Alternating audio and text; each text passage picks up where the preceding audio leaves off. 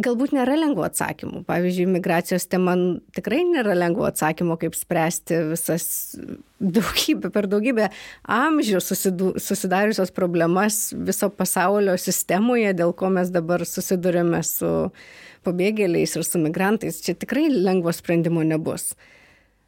Bet prarasti kažkokią, kažkokį žmogiškumą, sakyti, kad mums nerūpi, tie kiti, kad mes nebandysim ieškoti problemų, bandysim apsaugoti save, apsistatyti tvorą ir e, įkišti galvą į, į, į žemę ir nieko nematyti, tai man atrodo yra neteisingas kelias.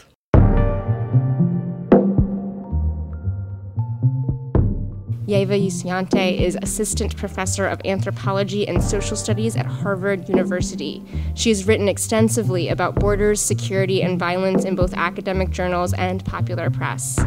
Her latest book is Threshold Emergency Responders on the US Mexico Border. Please join me in welcoming Yeva Yusiante. Kai Ieva Jusenytė, tuomet TSPMI studentė, išvyko į JAV, ji negalvojo, kad ten praleis 13 metų ir taps Harvardo universiteto antropologijos dėstytoja. Bet įvyko būtent tai.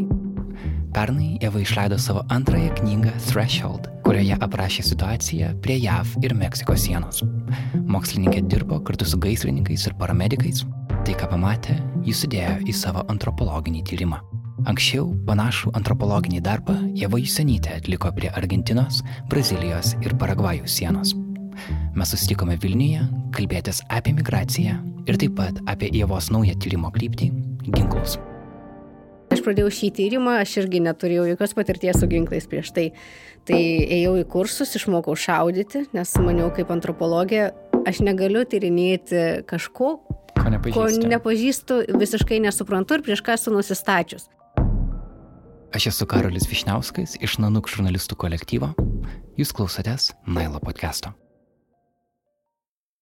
Nailo pokalbius įgalinate patys jūs, mūsų klausytojai. Ši savaitė mums yra ypatinga. Pirmą kartą nuo 2017 m. rudens mūsų Patreon kampanija pasiekė pradinį tikslą, tai yra 2000 dolerių per mėnesį. Mes pradėjome kampaniją tikėdami, kad klausytojai gali patys investuoti į žurnalistų darbą ir jūs mums įrodėte, kad neklydome. Ačiū Jums, tai suteikia milžinišką motivaciją dirbti toliau. Tradiciškai noriu padėkoti šią savaitę prisijungusiems klausytojams. Tai yra Vaida Karaliūnaitė, Tadas Neringa Černiauskaitė, Tadas Zalandauskas, Viktorija Baikauskaitė, Rugilė Būsė, Kamilė Ežerskytė, Loreta Žemaitytė, Rūta Masi, Ida, Eglė Olyvi, Karolis Keturka, Vitalijus Persijanovas, Tomas Tumalovičius ir Simona Bernatavičiūtė. Taip pat, kaip Patreon rėmėja, prisijungė mūsų buvusi pašnekovė, humanitarinė darbuotoja Jemenė Jovita Sandaitė, o savo sumą padidino Rūnė Matelytė. Ačiū Jums visiems, patreon.com slash nanuk multimedia. Toks yra mūsų kampanijos adresas. Podcastą nuo pat pradžių palaiko ir MailerLite, Vilniuje įkurta naujienlaiškių kūrimo platforma, kurią naudojamės mes patys ir vartotojai 120 pasaulio šalių. O dabar keliamės į nacionalinės Martino Mažvydo bibliotekos studiją pas Ievą Jusenytę. Labas, Ieva, tave gera matyti e, Vilniuje mūsų studijoje. Ačiū, kad skiriai mums laiko. Sveikas, Karoli. Labai malonu, kad pakvietei pasikalbėti. Ir gerai žinot, kad tave nanuk darbai kažkokiu būdu pasiekia, net ir e, būnant JAV, darant savo mokslinę veiklą, e, žinia apie tai, kas čia Vilniuje vyksta, kažkaip tave pasiekia. Mums gera tai žinot. Labai geri interviu ir temos tokios, kurios aktualios gyvenant, nesvarbu, ar Junktinėse valstijose, ar Vilniuje. Tiek nuo kaip paskutinės temos, kur kalbėjot apie darbą ir persidirbimą, tiek ankstesnės apie kaip kurti filmus apie žmonės, kurie išgyveno labai sunkius, turėjo sunk, sunkias patirtis. Tai tos temos aktualios ir mano kasdienybėje, ir mano tyrimuose, ir dėstyme. Ir mes visą laiką stengiamės įtraukti savo klausytojus į procesą, kad jie pasiūlytų temas, kuriomis norėtų, kad mes kalbėtumėm ir pašnekovus, kuriuos norėtų, kad pakviestumėm į studiją. Ir dėl to mes dabar esam čia, nes mūsų klausytojas ir tavo bičiulis Paulius Ambrasevičius, uh, jisai kažkada man parašė, sako, Karoli, ar tu uh, žinai Jeva Jusenytę? Jis sena bičiulė, baigė TSPMI, tai yra Vilnius universiteto tarptautinių santykių politikos mokslų institutas, dabar dėsto Harvarde, dirbo ugnegėse, tyrinėjo ją JAV ir Meksikos pasienį. Labai įdomus ir protingas žmogus. Tokia buvo trumpa Paulių žinutė ir man kiekvienas šitą, žinai, kiekvienas momentas tame jo laiške, kad, aha, tai SPMI, bet tada Harvardas, tada ugnegesystė, tada JAV ir Meksikos pasienis, aš galvoju, aš kažką labai svarbaus praleidau ir tada iš karto parašiau tau ir labai džiaugiuosi, kad uh, sutikai pasikalbėti. Ir temų iš tikrųjų yra daug, apie ką norėtųsi su tavimi kalbėti, nes, pažiūrėjau, nesnys radau tave Twitteryje ir tu ten esi pasirašęs, kad be kitų dalykų, ką tu tyrinėjai, tu taip pat tyri ir ginklų, apskritai ginklų situaciją JAV. Bet ginklus palikim truputį vėliau pokalbį ir aš noriu pačioje pradžioje sužinoti apskritai tavo kelią nuo Vilnius universiteto, TSPMI studijų, iki Harvardo. Kaip tai, kaip tai įvyko? Na, Vilnius universitete aš studijavau politikos mokslus ir tarptautinius santykius ir vieną kursą, man atrodo, gal antrame kurse lankiau politinės antropologijos.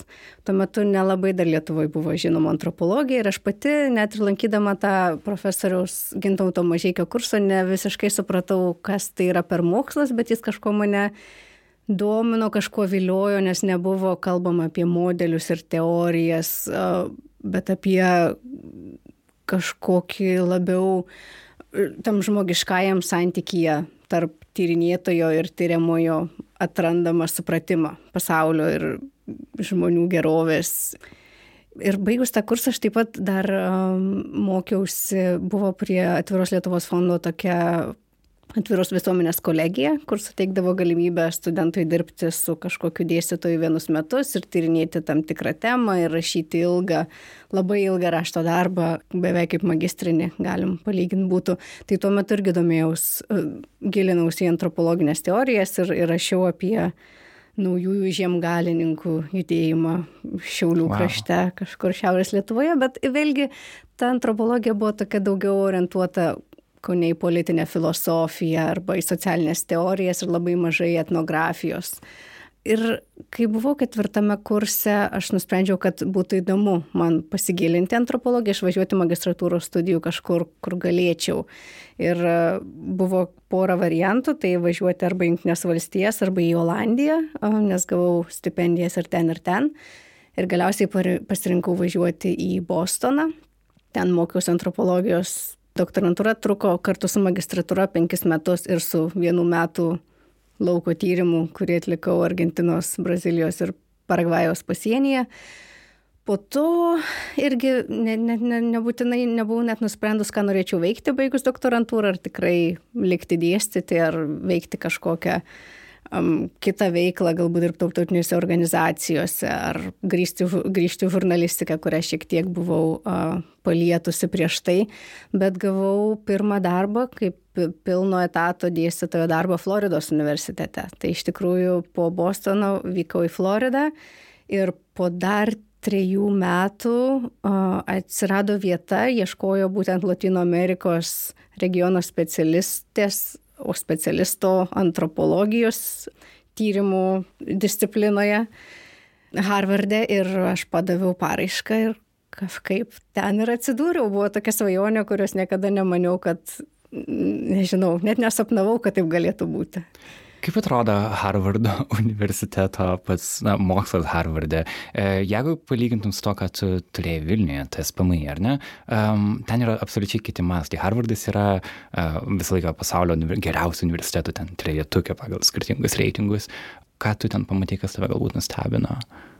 Negaliu pasakyti, kad mokslas labai skiriasi. Iš tikrųjų, vienas dalykas, kuris mažiausiai, daugiausia nustebino, tai kad studentai ir čia, ir ten tokie pat gabūs, taip pat besidomintis viskuo, bet pats universitetas turi labai ilgą istoriją su gana kai kuriuom keistom tradicijom ir turi labai daug um, išteklių, turi resursų. Kokią tu temą pasirinktum bestudijuoti, jie turi stipendijų siūsti tave į bet kurį pasaulio kraštą, tiek studentam, tiek dėstytojam ir tai, kas, aukščia, kas labiausiai vertinama, yra mokslo kokybė liktai netiek svarbu, netaip svarbu, kiek, kiek tu padarysi, kiek straipsnių parašysi, kaip, kiek ta kokybė liktai svarbesnė už kiekybę, o šiaip žmonės iš viso pasaulio suvažiuoja ir, ir dėl to labai įdomu. Yra lietuvių studentų, su jais bendrauti irgi įdomu. Apskritai man, man patinka galbūt Junktinio Amerikos valstybių sistema, kuri ne, neapsiriboja vien Harvardu, tai kad kai įstoji universitetą, tu neturi žinot, kuo norėsi būti. Mm. Lietuvoje arba jau žinai 12 klasėje, ar būsi teisininkas, ar politikos mokslus studijuosi ir eisi gal, ar, ar matematiką, gali tuos kursus ir savo studijų pakraipas keisti. Bet Junktinėse valstijose, kai stoji į universitetą, nesvarbu, turi, turi lankyti kursus įvairių sričių, tiek kiekybinių, tiek kokybinių mokslų, tiek humanitarinių, tiek kitų kultūrų ir galiausiai antram kursą kažkur nuspręsti, jau kokia bus tavo specialybė. Tai ta laisvė man labai patinka ir tokioje vietoje kaip Harvardas, kur yra įvairiausių įdomiausių kursų nuo sostų karus tyrinėjančių iki astrofizikos. Gali viską išbandyti ir nuspręs, kas tave domintų. Tai toks universalesnis galbūt gaunasi um, studijavimas. Aha antropologija, kaip tu minėjai, kai tu buvai Vilniui, tau dar buvo pakankamai šviežias dalykas, bet e, dabar antropologija iš esmės pakeitė tavo ir mokslinę kryptį, tavo visą gyvenimą, tavo patirtis gyvenime ir um, galbūt gali papasakoti tiem žmonėm, kurie nėra įsigilinę į tai, apie ką yra antropologija, kaip tu šitą dalyką suvoki, nes tai yra arti tos pačios žurnalistikos, ar ne, tu eini į ten, kur kažkas vyksta, tu tarsi kalbėsi žmonėm, tu darai tyrimą, bet kartu tai yra atskiras dalykas. Kaip tu supranti antropologiją kaip būdą pažinti pasaulį? Iš tiesų labai panašus į tokią tyriamąją žurnalistiką, kur jeigu yra labai daug laiko užsimti kažkokią temą, išplėtoti ir ją rašyti. Bet, bet yra ir kitų tokių teorinių ar epistemologinių um, pagrindų, kurie antropologiją išskiria nuo kitų mokslų. Tai žymus amerikiečių antropologas Cliffordas Girtsas sakė, kad žmogus yra gyvūnas, pakibęs savo paties susikurtuose prasmės tinkluose. Tai reiškia, jeigu mes norime suprasti, kas yra žmogus ar kas yra svarbu įvairiems žmonėms, žmogus nėra kažkoks abstraktus, jis tampa žmogumi per savo kultūrą. Ir čia kultūra, galima sakyti, bendraja tokia plačia prasme. Nėra kažkokio abstraktaus žmogaus, bet yra žmogumi tampi kaip hopi arba kaip italas, arba kaip lietuvis, arba kaip um, kajapo ar, ar koks, koks nors kitoks. Nes tik per savo kultūrą tampi žmogumi. Ir antropologija bando suprasti visą tai, kas yra reikšminga žmonėm, kas daro gyvenimą prasmingą. Viskas gali būti nuo tai, ką mes valgom ir kaip valgom ir kuo rengiamės ir su kuo galim tuoktis ir kaip suprantame įvairias vertybės, kas yra teisingumas, kokia yra religija. Bando tai suprasti tos kultūros kontekste. Tai reiškia nepritaikant kažkokius bendrus principus, iš išorės suprasti tas praktikas ir tas, tuos tikėjimus, bet, bet ieškoti to paaiškinimo viduje ir vidinėme kontekste. Ir kitas yra kita dalis, tai kad nei viena nėra kažkokios kultūrų hierarchijos, kad visos, visi gyvenimo būdai ir visos kultūros yra taip pat vertingos. Tai nereiškia, kad negalima kritikuoti kažko, kas nepatinka, bet yra tam tikrų būdų, kaip tai daryti kultūriškai tokia atitinkamų būdu. Čia, manau, labai svarbus momentas yra, kad tu sakai, nes augant vakarų pasaulyje, kur ir yra tiek JAV, tiek yra Lietuva taip pat, dažnai mes tarsi nevalingai įgyjam tą požiūrį, kad čia yra tikro, tikroji, žinai, žmonės progresas vyksta čia, o tuo metu tai, kas yra, nežinau, Afrikoje, galbūt Azijos šalyse, dar kažkur, jie tarsi turi prisivyti mus ir pamažu tapti tokiais kaip mes. Tai antropologija iš to požiūrį atsisako, ar ne, kad skirtingos kultūros, e, kurios galbūt mažiau ekonomiškai ir technologiškai išsivyščiusios, jos nėra blogesnės. Tokia žinutė. Tokia žinutė dabar, bet ne, ne, ne kai antropologija pradėjo vystytis XIX amžiaus pabaigoje, dar buvo labai daug tų socialinio evoliucionizmo teorijų, kur manoma buvo, kad, kad visos žmonijos bendruomenės ir visos kultūros vystysis nuo bendruomenių iki genčių, iki genčių asociacijų ir konfederacijų iki valstybės. Ir kad, kad galiausiai net, net ir tos tyrinėjamos bendruomenės, kurios tuo metu buvo kolonizuotose kraštuose ar Azijoje ar Afrikoje, arba tos pačios gentys ar genčių asociacijos, tai yra vietiniai gyventojai Junktinėse valstijose ar Kanadoje, kad jos, jos arba išnyks, arba galiausiai irgi taps panašios į vakarų civilizacijos uh, sudedamuosius blokus, tai yra nacionalinės valstybės su, su visa ekonominė ir politinė ir taip toliau sistema. Uh, Bet, bet jo, antropologija jau atsisakė tokio progresyvinio supratimo žmogaus evoliucijos. Ir iš tikrųjų daug, daug galime ir, ir pasimokyti. Viskas kalbant apie mediciną, įvairius gydimo būdus, kurie, kurie atrandami kitose kraftuose, mes nesam, nesam civilizacijos viršūnė. Taip. Ar kada, kada, kada atėjo tas suvokimas tau? Um, buvo kažkoks momentas, kada tu supratai, kad taip, tas, ką mes matome vakarų kaip progresą, nebūtinai yra progresas ir kad galbūt tikrai mums reikia daugiau mokytis iš kitų kultūrų. Ne, dėja neturėjau tokio nušvietimo, kad, kad štai galbūt, galbūt mes klydome, nes man atrodo, kad aš niekuomet labai tuo netikėjau. Tuo netikėjau iš pat pradžių, ar ne? ok, um, jau kalbant konkrečiau apie tavo antropologinius darbus, vienas iš naujausių yra tavo laikas praleistas tarp Meksikos ir JAV sienos ir būnant Vilniuje gan sunku suvokti iš tikrųjų, kokia situacija yra ten. Ir ar tu galėtum nu, nupiešti, taip sakant, sceną, kaip atrodo ta, ta siena pati, ar ne? Nes tai yra visų pirma didžiulė teritorija. Jeigu pažiūrė tarp JAV ir Meksikos, apskritai, na, sienos ilgis yra apie 3000 km. Ir pavyzdžiui, kada dabartinis JAV prezidentas atėjo su tuo, viena iš jo žinučių buvo, kad mes pastatysime sieną tarp JAV ir Meksikos. Bet realiai ta siena kai kur yra pastatyta, kai kur jos nėra. Ir viename iš tavo interviu skaičiau, kad per pastaruosius du dešimtmečius yra skaičiuota apie 7 tūkstančiai žmonių, kurie žuvo bandydami kirsti tas vietas, kuriuose yra siena. Ir tavo darbas buvo, tu dirbai kartu su para, paramedikais ir taip pat gaisrininkais, bandydama padėti tiem žmonėm, kurie kirto tą sieną. Tai iš tikrųjų, um, žinai, tos tokios labai tiesmuko žinutės, kad pastatykim sieną, ar galim pasakot, kaip realiai ta siena atrodo šiuo metu ten, kur tu dirbai? Um, Tai siena arba įvairios metalinės plieninės tvoros dengia apie trečdalį viso, viso Junktinių valstybių ir Meksikos pasienio, maždaug apie 1000 km arba apie 700 mylių.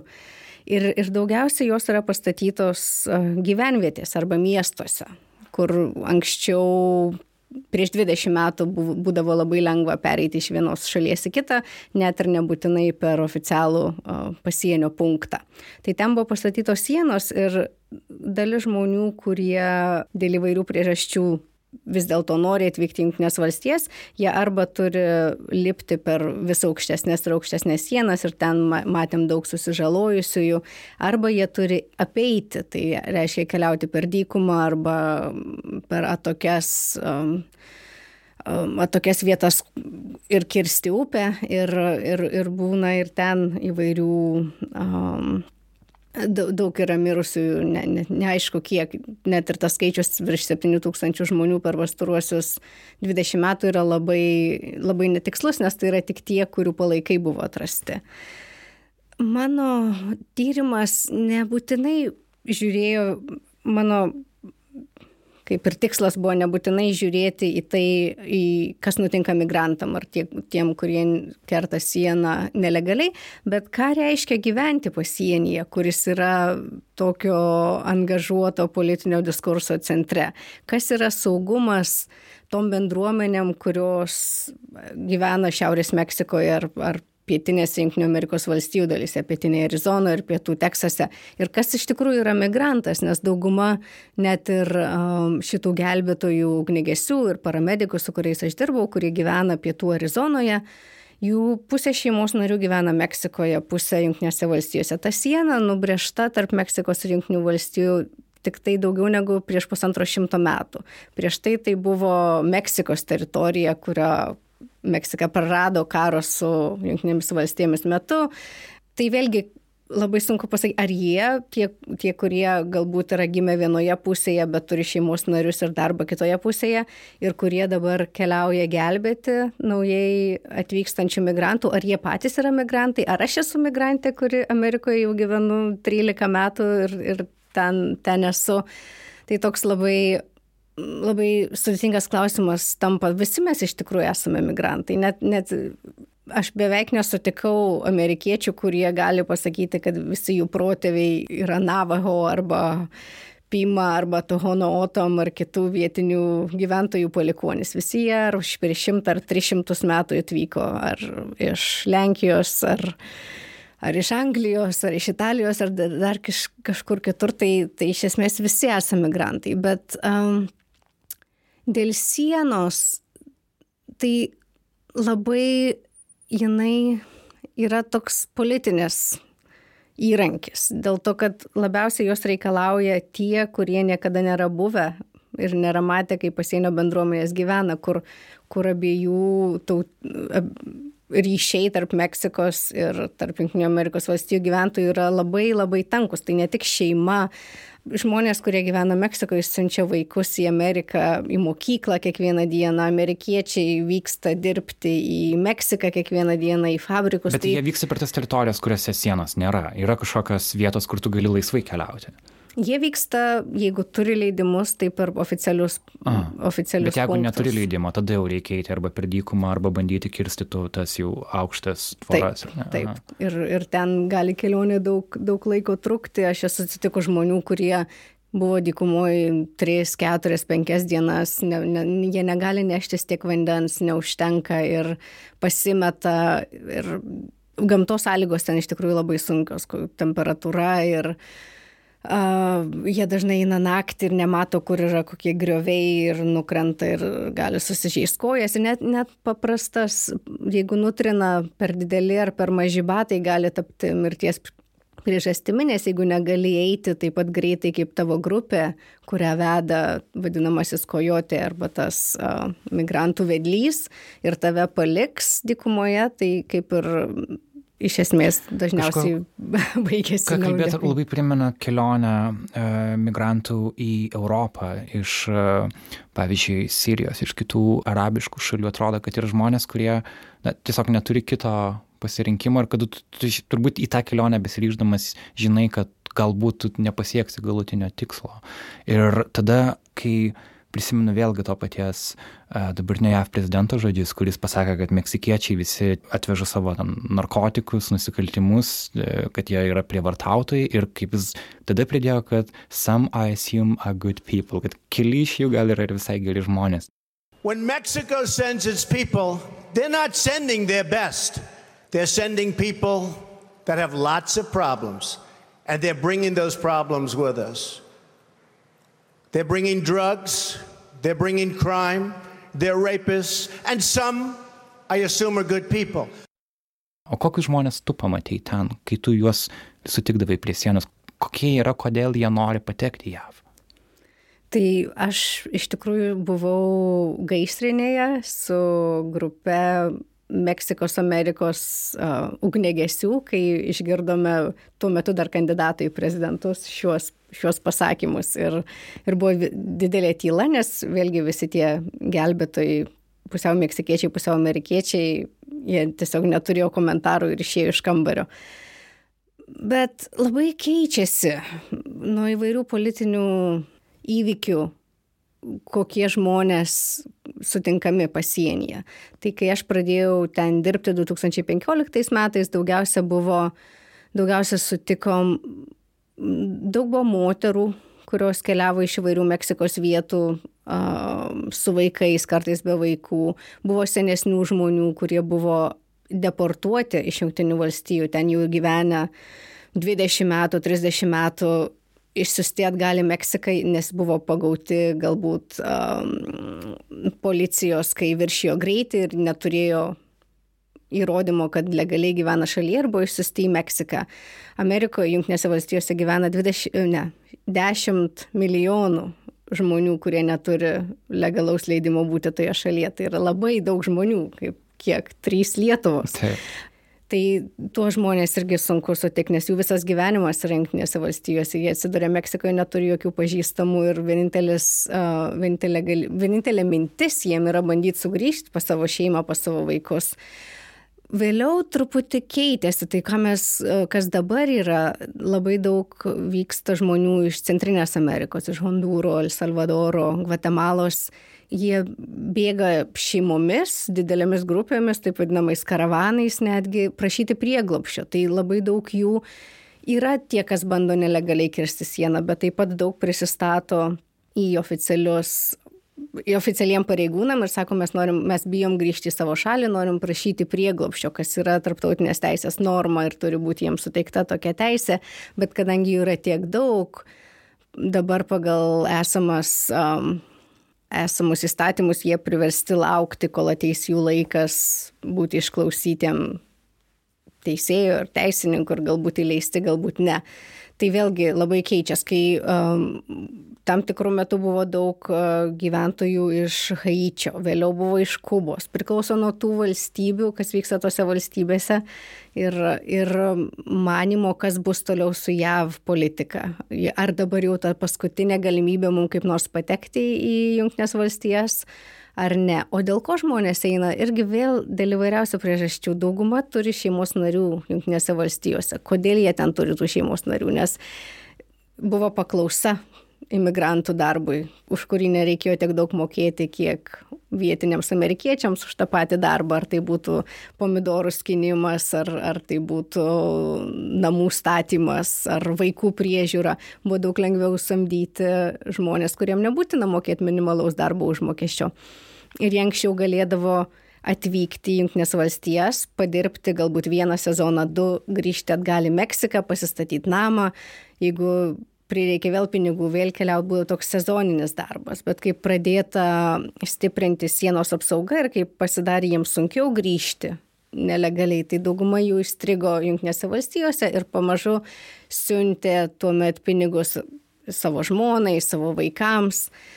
Tai čia viena, viena priežastis, kita, kad buvo labai padidėjo smurtas, um, smurto lygis Centrinėje Amerikoje ir iš ten žmonės bėgo uh, Tai yra ekonominės priežastis, yra politinės priežastis, yra tiesiog bėgimas dėl savo gyvybės ir visi, visi liktai, kai kalbam būtent apie žiniasklaidą ir kaip kokia, kokia didelė tai, kokia svarbi tema ir kokia aštri tema ir kokia polarizuojanti tema, dažnai bandom suplakti visus į vieną, vieną tokią, o daug migrantų arba daug pabėgėlių, bet iš tikrųjų tai kiekvieno žmogus individualus sprendimas ir individuali situacija, kodėl jie siekia to, ko siekia yra tam tikros priežastis, socialinės priežastis, kad galim paaiškinti, bet vėlgi tai yra daugybė skirtingų, skirtingų, skirtingų grupių.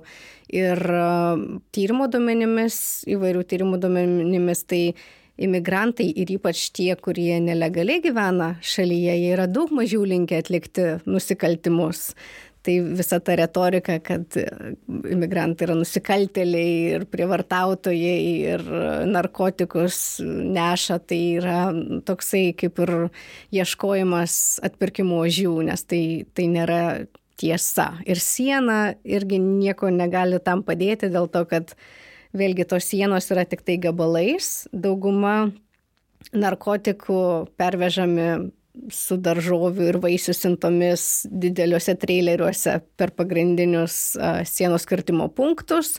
Dauguma žmonių, kurie gyvena nelegaliai Junktinėse valstijose, jie tai daro dėl to, kad jie gauna vizą, įvažiuoja į šalį ir tiesiog niekada neišvažiuoja. Bet kažkodėl yra ta baime, kad vat, ateis per sieną užkariautojai kitokie.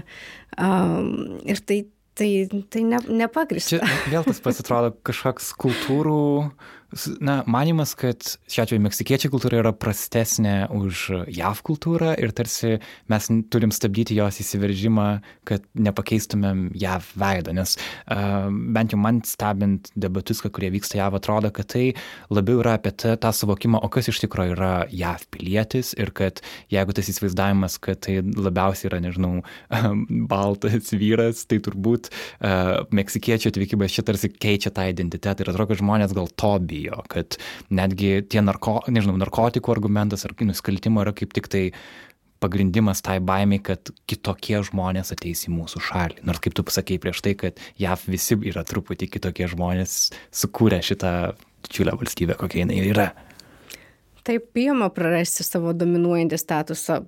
Ispanų kalba tampa vis labiau populiari um, Junktinėse valstijose, bet yra žmonių, kurie labai nejaukiai jaučiasi ir yra įvairių incidentų nutikusių, kai žmonės kalba arba kinų viena iš kalbų, arba ispanų kalba ir anglai, anglakalbiai, kurie nesupranta labai įsižeidžia ir, ir padaro didelį skandalą iš to. Buvo netgi, ar ten buvo pasienio apsauga ar policija buvo areštavusi dvi merginas už tai, kad jos ispaniškai kalbėjo.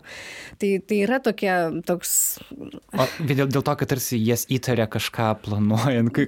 Taip, kažkokia kalbė, baimė. Vien tas kalbėjimas jau tarsi yra argumentas jas sulaikyti. Nejaukumas, taip, bet kitas argumentas yra ekonominis, tai kad iš tikrųjų juk pasikeitė visa darbo struktūra ir net ir dauguma baltaodžių, um, baltųjų vyrų, anglakalbių net, nebeturi tų darbų kasyklose ar fabrikuose kuriuos turėdavo jų tėvai ir seneliai. Ir yra, jie mano, kad galbūt imigrantai užima jų darbo vietas, nors vėlgi tai nelabai pasitvirtina kai kuriais atvejais. Imigrantai konkuruoja dėl tų pačių darbo vietų, bet labai dažnai ne.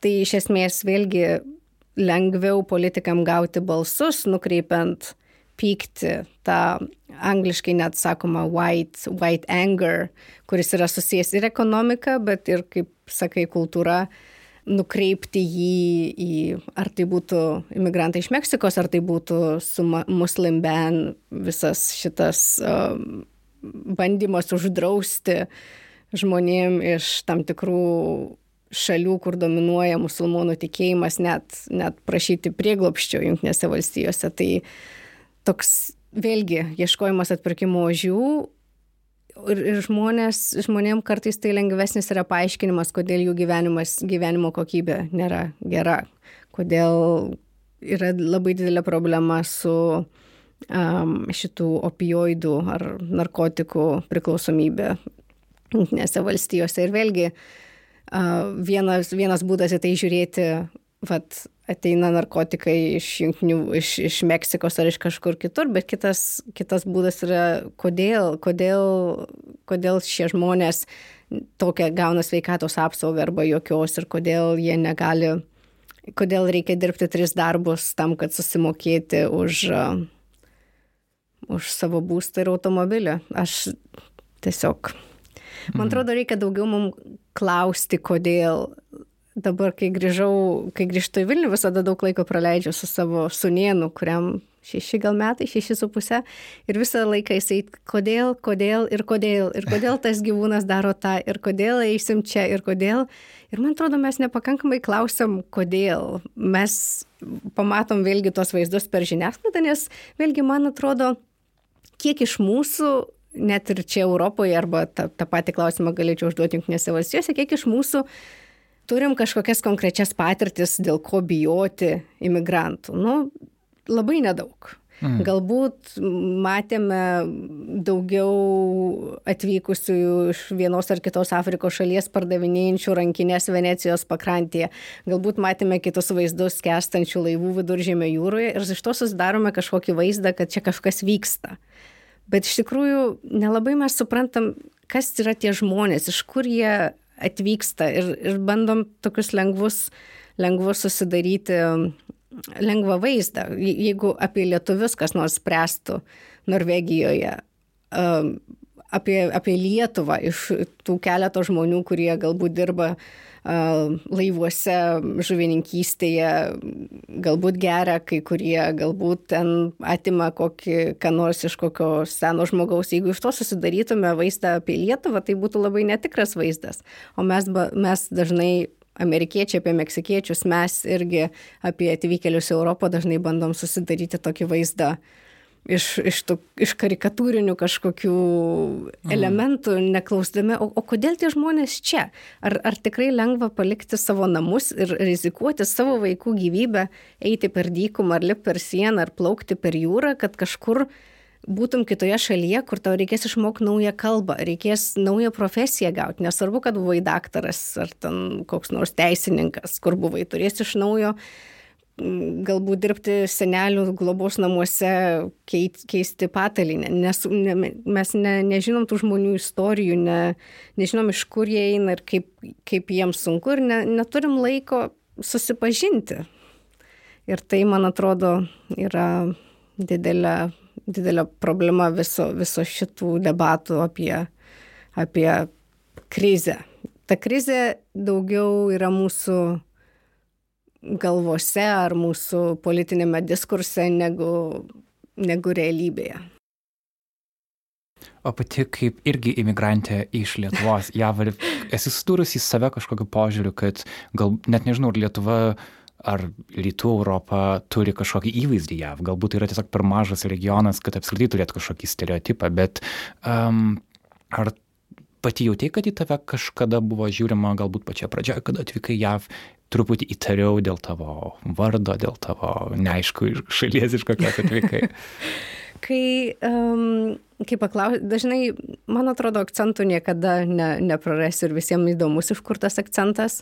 Ir kai pasakau, kad esu iš Lietuvos, visada būna labai teigiami atsiliepimai. Ir kažkaip Amerikoje, Bostone ypač, bet ir, ir, ir visur kitur, kur, kur man teko būti, labai, labai geras geras įvaizdis mūsų šalies. Nebūtinai mus žino per krepšinį, kai kurie taip dėl krepšinio, bet, bet prisimena mūsų istoriją. Um, ir labai daug kas turi bent vieną pažįstamą lietuvį ar ten seną giminaitį ar kokį draugą, bet nėra jokio neigiamo, neigiamo įvaizdžio. Ir, ir netgi tai, kad pasakai, kad esi lietuvis ar lietuvė, tai žmonės labai vertina. Jiem tai atrodo, kad čia kažkas tokio įdomaus. Um, tai aš nesusidūriau su jokiam problemom. Kita vertus, netgi dirbdama pasienyje, aš kaip nepilietė, kiekvieną kartą Junktinėse valstijose yra tokia pasienio zona. Jis yra apie 100 mylių, tai 60 keli kilometrai. Ir toje zonoje pasienio apsauga turi teisę klausinėti tavęs, ar tu esi pilietis ir tu privalai pateikti dokumentus tai aš pagal, pagal mano išvaizdą, jie manęs neįtardavo, kad nesu pilietė, bet kai paklausdavo ir sakydavau lietuvė, tai jie kur ta Lietuva, po to jau sužinojo daugumą tų pasieniečių, kur ta Lietuva, nebeklausdavo manęs paso. Bet tai tas pats įsivaizduokit, jeigu Vilnius turbūt yra mažiau negu 60 km nuo Baltarusijos. Tai iš esmės, jeigu, Vil, jeigu Lietuvoje būtų ta pasienio zonos tokia politika kaip, kaip Junktinėse valstijose, reiškia, kiekvienas Vilnietį policija ar pasienio apsauga galėtų sustabdyti ir klausti, vad girdi kažką kalbantį rusiškai. Prieina ir, ir klausia, ar jūs, ar jūs esat pilietis, parodykit dokumentus. Tai būtų toks policijos valstybės jausmas labai, labai nejaukus uh, tose pasienio zonose. Ir man skaitant interviu su tavimi, klausant tavęs, daro įspūdį tai, kad tu um, jautiesi tvirtai kritikuodama tą pačią uh, JAV sienos politiką, nors dažnai lietuviams išvykusi į kažkurią uh, kitą šalį dažnai įsivaizduojama kaip tarsi stipresnę, tam tikrą prasme geresnę šalį, tu tarsi tiesiog nori būti toks, nežinau, niekam netrukdyti, tiesiog džiaugtis ir, ir kažkaip tą šalį visai girti, nes, nu, tu nori tiesiog tarsi vos nedžiaugiesi, kad čia esi. Ir tavo atveju, manau, kad dėl to, kad tu gali taip drąsiai kritikuoti JAV, pažiūrėjau, sienos politiką, tu ir tampi tikra JAV pilietė dėl to, nes tu nebijai to daryti. Ar tai visą laiką buvo, kaip tu pajutai, kad šitie reikalai nebėra jų reikalai, o aš esu tik tai imigrantė, kad tai yra tavo reikalai irgi? Aš ne visada buvau tokia drąsi kritikuodama. Ir mano pirmi, pirmesniai tyrimai, kadangi buvo apie Argentiną, gal ir, ir Argentinos pasienyje buvo mažiau reikšmingi. Bet kai pradėjau dirbti šitą darbą Junktinių valstybių Meksikos pasienyje, nusprendžiau, kad yra du keliai. Arba bandysiu būti tyli ir tiesiog per daug neišsišokti, nes iš tikrųjų aš labai, aš esu gyvenu Junktinėse valstijose dėl to, kad man ten patinka. Man, aš vertinu valstybės antvarką, vertinu visas galimybės, kurios ten atsiveria. Esu ten dėl to, kad man ten gerai. Bet man atrodo, kad kai supranti, kad tau kažkas rūpi ir man rūpi ta valstybė, tai tuomet turi atrasti drąsą ir kritikuoti tai, kas galbūt atrodo netinkama politika. Jeigu nekritikuotum, tai būtų toks dviveidiškumas ar apsimetimas, kad, kad aš noriu, noriu būti čia ir noriu gauti viską, bet kartu um, neprisimu atsakomybės už šio šalies ateitį. Bet man atrodo, nekalbėti šiuo atveju, jeigu manai, manai, kad kažkas negerai, tai reiškia tokį susitaikymą, su kuriuo aš turbūt ne, negalėčiau sutikti dėl to, kad galbūt nėra lengvų atsakymų. Pavyzdžiui, migracijos tema tikrai nėra lengvų atsakymų, kaip spręsti visas daugybę, per daugybę amžių susidariusios problemas viso pasaulio sistemoje, dėl ko mes dabar susidurime su pabėgėliais ir su migrantais, čia tikrai lengvo sprendimo nebus. Bet prarasti kažkokią, kažkokį žmogiškumą, sakyti, kad mums nerūpi tie kiti, kad mes nebandysim ieškoti problemų, bandysim apsaugoti save, apsistatyti tvorą ir tiesiog įkišti galvą į, į, į žemę ir nieko nematyti, tai man atrodo yra neteisingas kelias. Niekada nesulaukia komentaro, kad, na, jei tau čia nepatinka, tai grįžk į, į savo šalį, kaip dažnai yra sakoma. Pavyzdžiui, berot šitą buvo dabar aktyvi politikė, jos pavardė Omar, jeigu aš neklystu, kuri uh, yra pati uh, musulmonė, esanti šiuo metu JAV bijau sumiluoti, kurioj vyriausybės šakoj, bet kongrese. Kongrese taip. Ir, ir ji, jeigu, pažiūrėjau, pažiūrėti reakcijas Twitter'e, jos kažkokius pasakymus visą laiką atsiras žmogus, kuris pasakys, tai jeigu tau tai nepatinka, tai grįžk iš kur atvažiavai.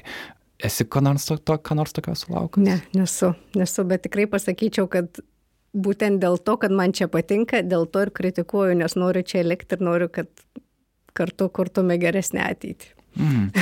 O, o kiek laiko praleidai prie JAV ir Meksikos sienos? Šitas tyrimas, suprantu, jau baigtas, tu parašy knygą apie tai, tai yra tam tikras etapas, kurį dabar tu padėjai šaliai, bet kiek laiko ten praleidai?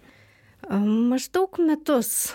Nuo 2015 metų gegužės 1 atvykau pradėti naujo lauko tyrimo, taip tiksliai ir visus, vis, visus 2015 metus buvau ten, o po to grįždavau vis keliai mėnesiam, ar tai būdavo vasarą ar pavasarį, tai susidarė apie, apie metai. Jau baigiau aš tą tyrimą 2017 metais, bet vis tiek aš grįžtu bent por 2-3 kartus per metus pažiūrėti, ar yra kažkokių skirtumų ar kaip, kaip toliau gyvena tie žmonės, kurie man patikėjo savo gyvenimo istorijas ir parodė viską iš jų perspektyvos. Aš su jais noriu palaikyti ryšius ir kai, kai jeigu visas, vis, visas tas pelnas, nors akademinės knygos neturi labai daug pelno, vos atsiperka, bet visą, tą, visą tai aš noriu dalinti su ta gelbėtojų komandomis, su kuriomis uh, dirbau, tai labai prasminga palaikyti ryšius ir, ir vis sugrįžti tu patyrei daug ir skaudžių momentų arba tokių momentų, kurie tau padėjo labiau suprasti tą visą situaciją žmonių, kurie nori patekti jav. Galėtum vėlgi dėl to, kad galbūt klausytojai geriau suprastų, kaip realiai tos situacijos atrodo, gali nupasakot keletą galbūt susitikimų su žmonėm, kaip tai vyksta. Pavyzdžiui, tarkim, žmogus dyku, einantis dykumą, kaip, kaip tu jį pamatai, kaip tu su juo užmėski kontaktą, kaip jis į tave reaguoja gal galia.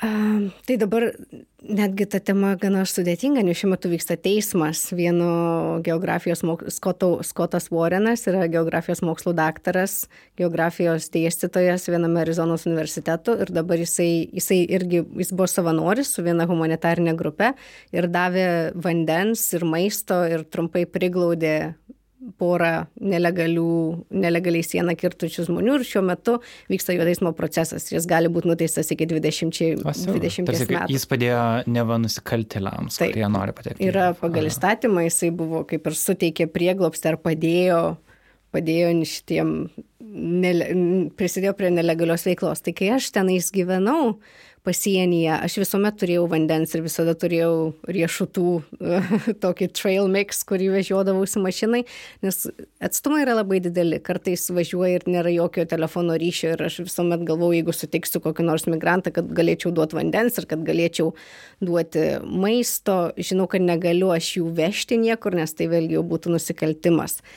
Bet taip, taip žmonių aš nesutikau, sutikau tik tai dirbdama jau su gelbėtojais. Tai reiškia, kai buvau greitoji pagalboje ar kai buvau gelbėtojų stotyje, pats pirmas, um, pats pirmas iššaukimas, kurį, kurį gavom, buvo 30 ar 30 kelių metų moteris iš Meksikos, kuri užlipo ant, ant, ant sienos ir ne, negalėjo, ne, ne, neišsilaikė ir nukrito ir susilaužė abi kojos.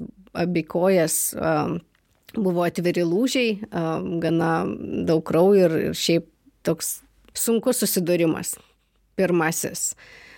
Ir ją mes sraigtasparnius skraidinom į artimiausią ligoninę, kuri turi tą jau rimtesnį chirurginį centrą, uh, jis yra už valandos automobiliu, bet sraigtasparnis nuskrenda per 15-20 minučių, bet su ja neturėjau tiek daug laiko pakalbėti, nes taip dažnai mieste, kai žmogus nukrenta nuo sienos, tai viskas būna labai greitai, dėl to, kad ten yra greitosios pagalbos, yra sraigtasparniai, galima jiems padėti, bet kai buvom kitą vyriškį sutikom dykumoje, vėlgi jisai buvo vienas iš tų kurie buvo palikti gido. Jis vienas ėjo per dykumą, nežinojo, kurią pusę eina. Iki artimiausio miesto kartais, jeigu net eisi tiesiai, yra bent trys ar penkios dienos.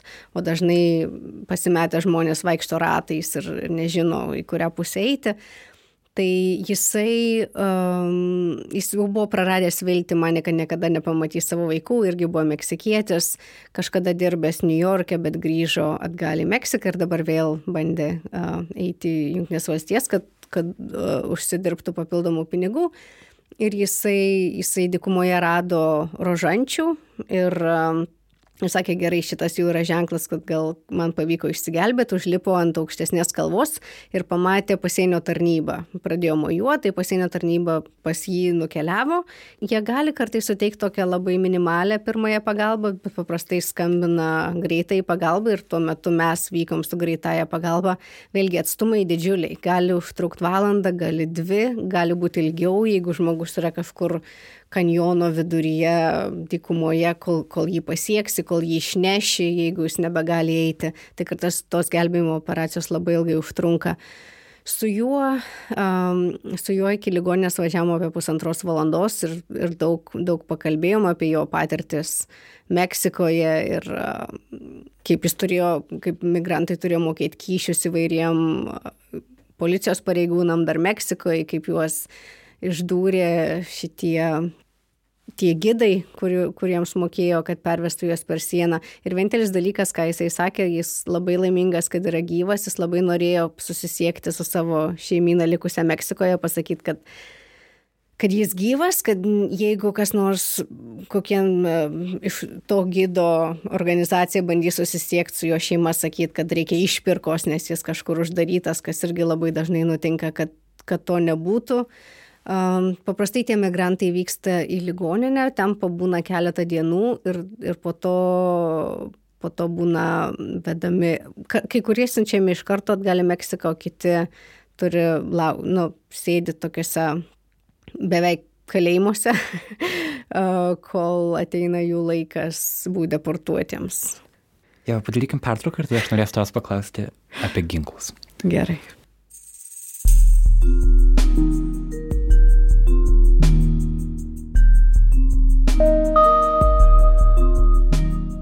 Turime žinę mūsų rašantiems klausytojams. Gera pranešti, kad šiemet bendradarbiausime su Tomo Mano festivaliu. Dalimi festivalio diskusijų dalinsimės Nailo podcast'e. Kiekvieną vasarą Nidoje vykstantis festivalis tęsia Nobelio literatūros prizo laureato idėjas ir kasmet kviečia diskutuoti. Šių metų festivalio tema yra Tėvinių Europą. Organizatoriai kviečia jaunus, tai yra 18-26 metų autorius ir autorės, rašyti esėją šią temą. Kaip sako patys organizatoriai, laukiame esė, kurie iš asmeninės perspektyvos apmastytų, ar migracijos ir skaitmeninių tinklų amžiuje žmonėms dar reikia tėvynės. Jei taip, kokios? Ar tėvynė yra tik viena, ar jų gali būti daugiau? Kas - istorija, rinka ar kultūra yra svarbiausias Europos dėmo? Ar Europa gali būti tėvynė? Tokie klausimai, trijų geriausių esė autoriai bus pakviesti į visus festivalio renginius, o kelionė į Nidą Lietuvoje ir nakvynė Nidoje jiems bus apmokama. esė laukiami lietuvių kalba, o nugalėtojų rašiniai bus verčiami į vokiečių kalbą ir publikuojami Tomo Mano festivalio ir Kiotės instituto Vilniuje kanaluose. Esė apimtis nuo 1000 iki 2500 tūkstančio žodžių, tai yra nuo 3 iki 8 puslapių. Savo esė galite siūsti iki birželio 17 adresu ese.man.lt. Man su dviem N kaip Tomo Mano pavardė. Perduokite tai tiems, kam ši galimybė įdomi. Tomo Mano festivalis šiemet vyks Liepos 13-20 dienomis Nidoje. O dabar grįžtame į studiją, ten tęsime pokalbį su Jeva Josenyte.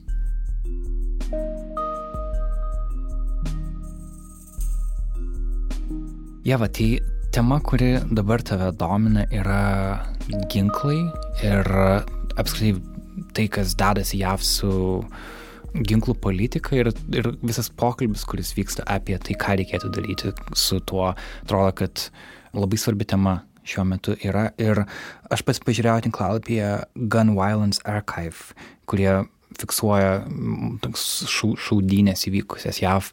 Vien šiemet yra užfiksuota 150 atvejų, kuriuose buvo susišaudimas neteisingas žodis, nes dažniausiai yra tiesiog vienas žmogus su ginklu. Ir kaip minėjau, šiandien, kai mes įrašinėjom Lytė buvo žinia, kad Virginijos paplūdimėje buvo nušauta, um, tuo metu buvo 12 žmonių, dabar jau 13 mirčių siekia. Ir tai atrodo nuolatos pasikartoja, kad tavęs tokia žinia tarsi net nebenustebina. Ir atrodo, kad JAV visuomenė pasiekus tą lygį, kada kažkas tarsi turi keistis, kada turi būti labiau privotis ginklų įsigijimas, kada supratimas ateina, kad kiekviena teisė į ginklą galiausiai atneša tokius protrukus, kada tiesiog daug nekaltų žmonių žuva. Kaip tu pati matai tą situaciją? Nes, pažiūrėjau, Lietuvoje mes nėra to klausimo, ar ne, kad, kad ginklo turėjimas nėra natūralus dalykas Lietuvoje. JAV dalį žmonių, pakankamai didelė dalį žmonių jis yra. tai dabar nuo, nuo, nuo, nuo mano kritikos Junktinių valstijų pasienio, pasienio politikai, pabandysiu kritikuoti jų ginklų politiką, bus gana sudėtinga. Iš tikrųjų, ta tema mane sudomino vėlgi būnant pasienyje, dėl to, kad Meksikos įstatymai yra visiškai kitokie negu Junktinio Amerikos valstijų ir, ir ginklų kultūra irgi vis, visai kitokia negu Junktinio Amerikos valstijų. O žmogžudysčių ten yra labai daug. Pernai virš 30 tūkstančių žmonių buvo nužudyta ir dauguma... Čia Meksikoje? Meksikoje. Meksikoje. Dauguma jų ginklais ir dauguma tų ginklų, kadangi Meksikoje labai ribojama, kas gali ir kur gali ir kokius ginklus gali nusipirkti, dauguma tų ginklų atkeliauja nelegaliai iš Junktinių Amerikos valstijų, iš Arizonos ir Teksaso, kur per, pasi, per sieną pervežamų. Tai tas klausimas man toks vėlgi dvilypis. Tai kaip imigracija žiūrint iš Meksikos į Junktinės Amerikos valstijas, tai šiuo atveju iš Junktinių Amerikos valstijų Meksika ir žiūrint į tas dvi valstybės um, kartu. Junktinės Amerikos valstijose ginklai įrašyti į konstituciją ir galim įvairiai interpretuoti tą um, antrąją konstitucijos pataisą, bet kol kas ta interpretacija yra labai plati palikta. Ir žmonės mano, kad jie turi teisę į ginklus ir kad ta teisė negali būti ribojama. Bet tuo metu, kai buvo rašyta ta pataisa konstitucijos, nebūdavo tokių galingų ginklų, kuriais šiuo metu vykdomi šie um, sušaudimai. Junktinės Amerikos valstijos labai skiriasi iš kitų pasaulio kraftų. Čia jau yra ne, ne tik kažkokia tendencija, bet tampa tam tikra kultūrinė problema kaip ji bus įspręsta, vėlgi, vėlgi nėra aišku, nes ginklas labai, žiūrint kaip, kaip iš antropologinės perspektyvos, jisai yra, turi labai daug reikšmių.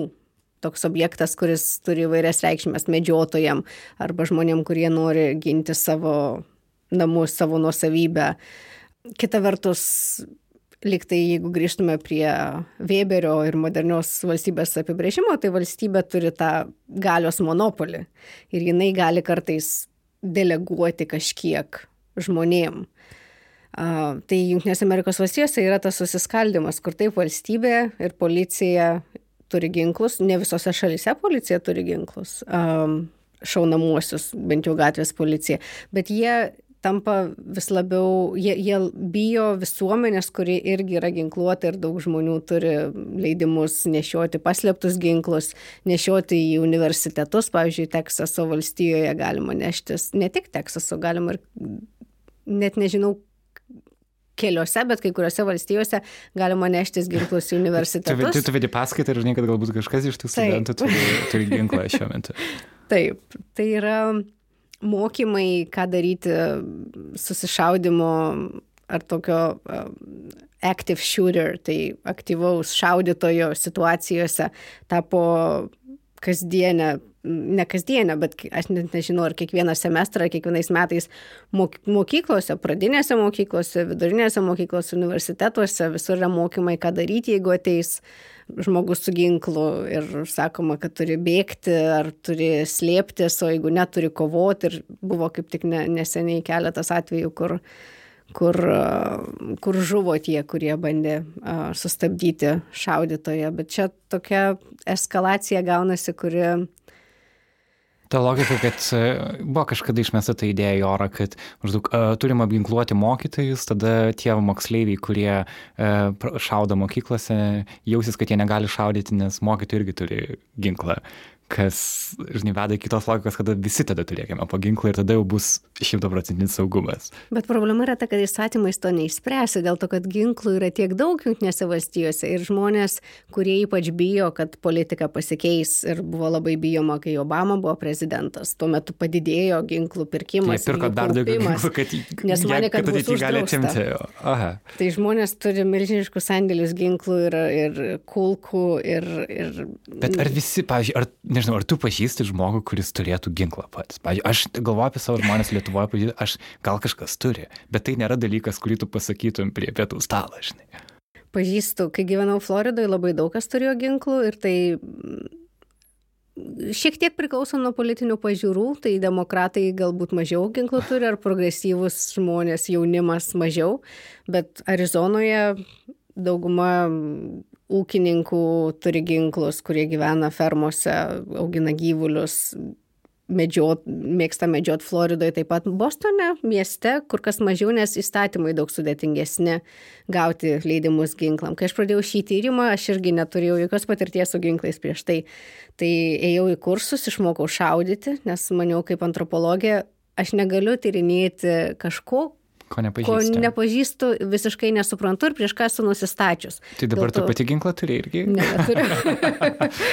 neturiu, bet, bet esu šaudžius įvairiais ginklais ir, ir bandau vis, kaip mano darbas yra suprasti šitą problematiką iš, perspek... iš, tų, iš įvairių žmonių perspektyvų. Taip. Ir kol kas tu sakai, kad jeigu JAV, nežinau, šią sekundę priimtų įstatymą, kad uh, draudžiama pirkti naujus ginklus, dar kažką, jau vien to, kiek ginklų šiuo metu yra pas piliečius, kiek tai kultūriškai yra įaugę nuo tokių dalykų, kaip ten, pavyzdžiui, būna ginklų kažkokios šventės, kur tu, panašiai kaip ginklų parodas, jeigu, nežinau, Lietuvoje yra ten šuniukų, pavyzdžiui, paroda, tu gali lygiai taip turėti ginklų parodą ir kur tu gali ateini žmonės, na, tai yra visiškai normalizuotas dalykas. Tai kad tai yra kultūra tiek giliai, kad tiesiog įstatymų to neišspręsi. Tokia tavo tezė, taip, ar ne? Taip. Aha tai ką tada daryti? Nes kita vertus, net ir įstatymai, pažiūrėjau, jeigu sakai, kad Meksikoje yra daug griežtesni, na ir ką, bet vis tiek, vis tiek ginklai pasiekia, tai turbūt atsakymas yra, net nežinau kur. Nes jeigu griežtesni ginklų įstatymai vis tiek neapsaugo nuo ginklų turėjimo, ką rodo Meksikos pavyzdys, tai tada ką daryti? Dėl to ir nesu politikė, nes nežinau, nežinau. Yra, yra įstatymų ar yra kažkokių įstatyminių prieigų, kurios gali pagerinti situaciją. Pavyzdžiui, tam, tam kad ne, neparduoti ginklų žmonėm, kurie mm, turi smurtavo šeimoje, kad kažkurį laiką negalim būtų jiem parduoti ginklo, kad uh, yra kitų pasiūlų, kad daryti tuos vadinamosius smart ginklus, kur tiktai tavo pirštų anspaudas jį aktyvuos. Tai reiškia, kad vaikas negalės paimti nuo stalo ginklo ir netyčia iššauti, nes kita problema tai, kad daug vaikų žūva, kurie paima savo tėvų ginklus, daug ginklų uh, baigėsi savižudybėmis, daug tai nebūt, ne vien ta problema yra, kad... kad Turiu minį kad- netyčinėmis savižudybėmis. Ne, savižudybės paprastai būna tyčinės, vaikų nelaimės būna netyčinės, mm. bet tiesiog yra tiek daug tų ginklų, kad yra kažkokių dalykų, kuriuos galima šiek tiek um, mm. modifikuoti, pakeisti. Bet platesnė prasme, man atrodo, reikia, reikia apie tai kalbėti, reikia kalbėti mokykloje, reikia pradėti kalbėti anksti, kažkaip ugdyti ginklų saug, saug, saugumo kultūrą. Juk prieš pusę šimtmečio neturėdavom saugumo diržų automobiliuose. Ir iš pradžių jie dar net nebuvo populiarūs, čia tik tai tie turbūt loseriai važiuodavo su saugumo diržais. Ir dabar kai kurie žmonės nemėgsta važiuoti su saugumo diržais, bet vien jų įvedimas labai sumažino avarijų skaičių. Tai taip pat yra, yra manoma, kad, kad tą ugdant tokį supratimą, kaip reikia saugiai elgtis su ginklais, gali kažką padėti. Dėl, dėl masinių šitų žudimų yra kol kas sudėtingiau, nes čia toks medijuotas fenomenas. Tai yra žiniasklaida arba kuri informuoja apie tos susišaudimus, vaidina vaidmenį. Labai dažnai kaip ir, kaip ir pats sakei, kad jeigu šaunama dešimt žmonių, tai jau beveik nebe naujiena, arba tuo labiau du ar trys. Kiekvienas bando kuo daugiau, kad būtų dar didesnis uh, aukų skaičius, kad patekti į šlovę. Tai yra įvairių, įvairių sprendimų, įvairių arba žurnalistų. turi tą šaudimą padaryti imigrantas. Tada tu lengviau pateksi į naujienų. Taip. Ir, ir, ir čia ir e, dažnai, kai statistiškai pažiūri, kad dauguma toje pačiai uh, JAV mirčių nuo ginklo yra ta vadinamas vid, vid, na, domestic problema. Tai yra, kad patys JAV piliečiai tai daro vieni kitiems. Domestic Ir- terrorism, bet taip nevadina.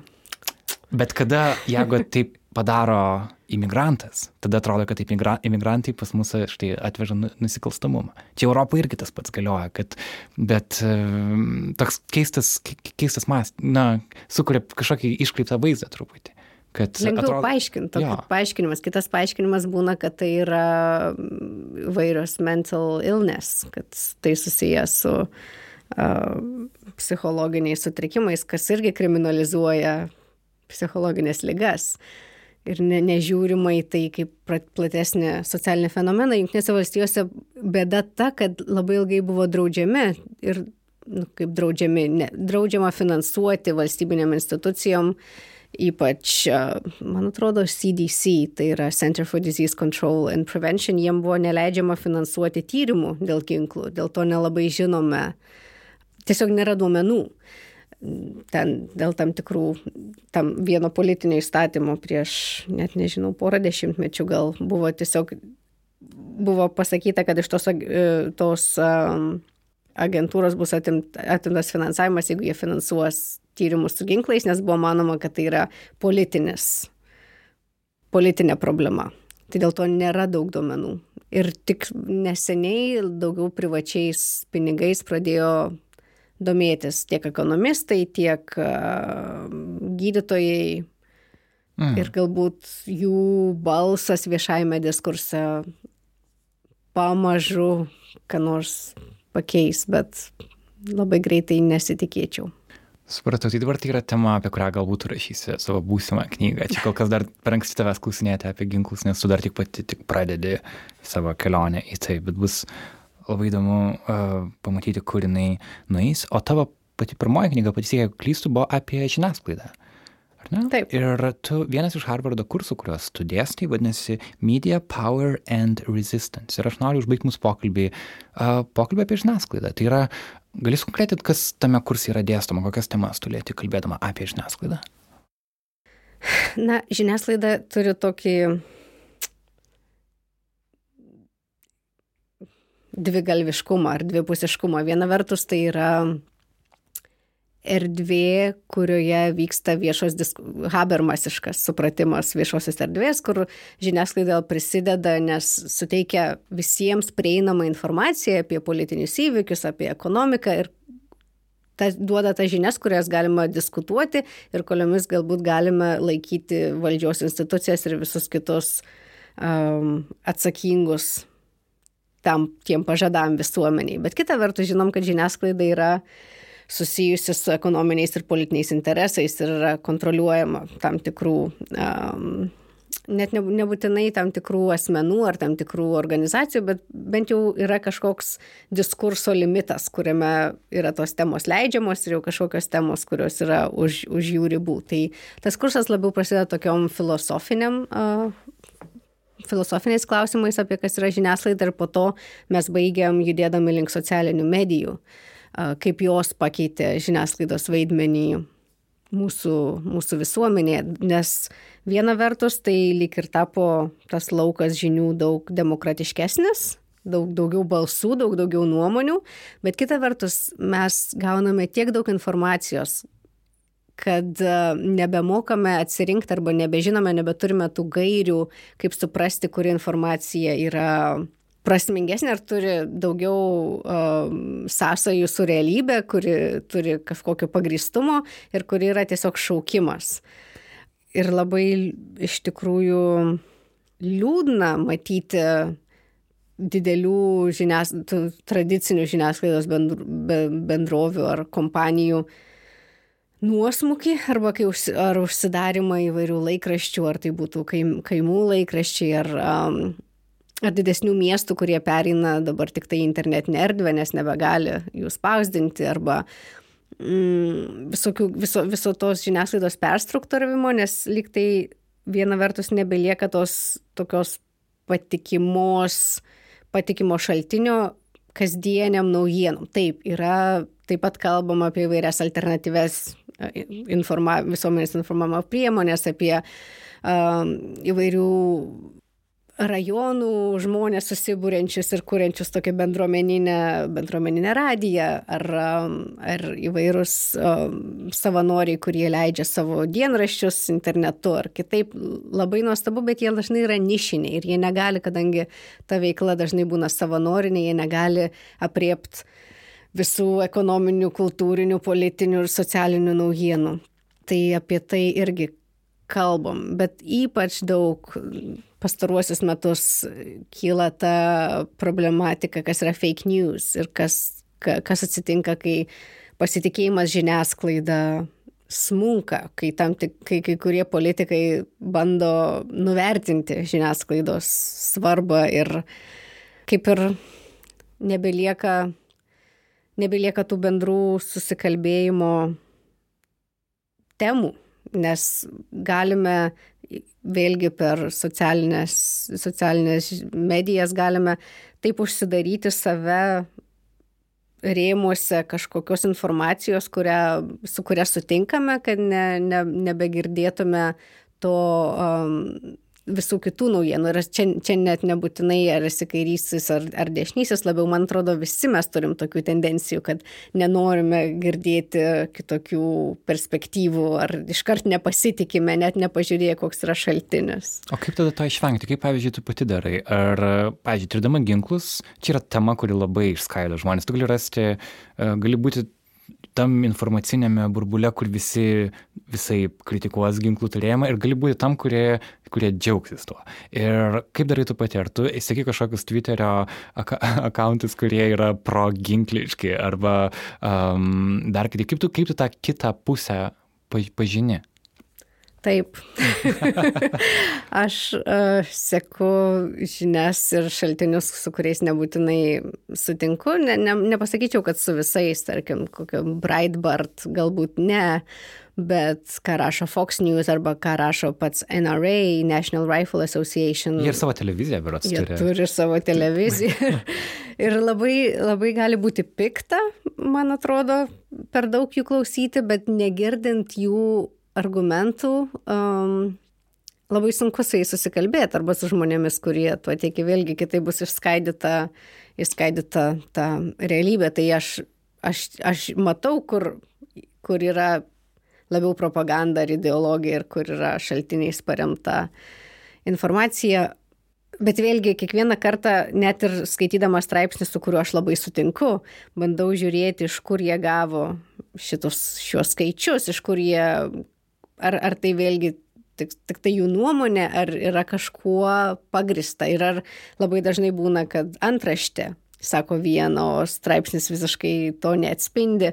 Tai ir, ir, ir šiame kurse mes kalbam daug su studentais apie tai, kaip, kaip patikrinti faktus, nes faktai vis dėlto egzistuoja, kad ir socialiniai faktai. Um, um, tai to tokio raštingumo, kaip atsirinkti iš, iš visos informacijos, kaip gauti žin, žinias, ar kaip, kaip atsirinkti uh, grūdus nuo lūkštų ar pelų. Pelų. Jau jeigu, mm, nežinau, kiek laiko Lietuvoje praleidai, tu čia grįžti taip gan reguliariai, porą kartų per metus galbūt. Taip vis tiek matai kažkokius procesus, kurie čia vyksta. Jeigu tu būtum antropologė Vilniuje, čia kur ir užaugai, ką tu tirtum Lietuvoje? Kas tau atrodo įdomu, ko gal mes, mm, kaip dabar jau sakai, kad antropologų reikia distancijos, kad pamatytum kažkokius dalykus. Tai dabar tu turi 13 metų gyvenimo JAV distanciją nuo Lietuvos. Kas tau atrodo įdomu tirti dabartinėje Lietuvoje? Kas galbūt mums atrodo visiškai natūralūs dalykai?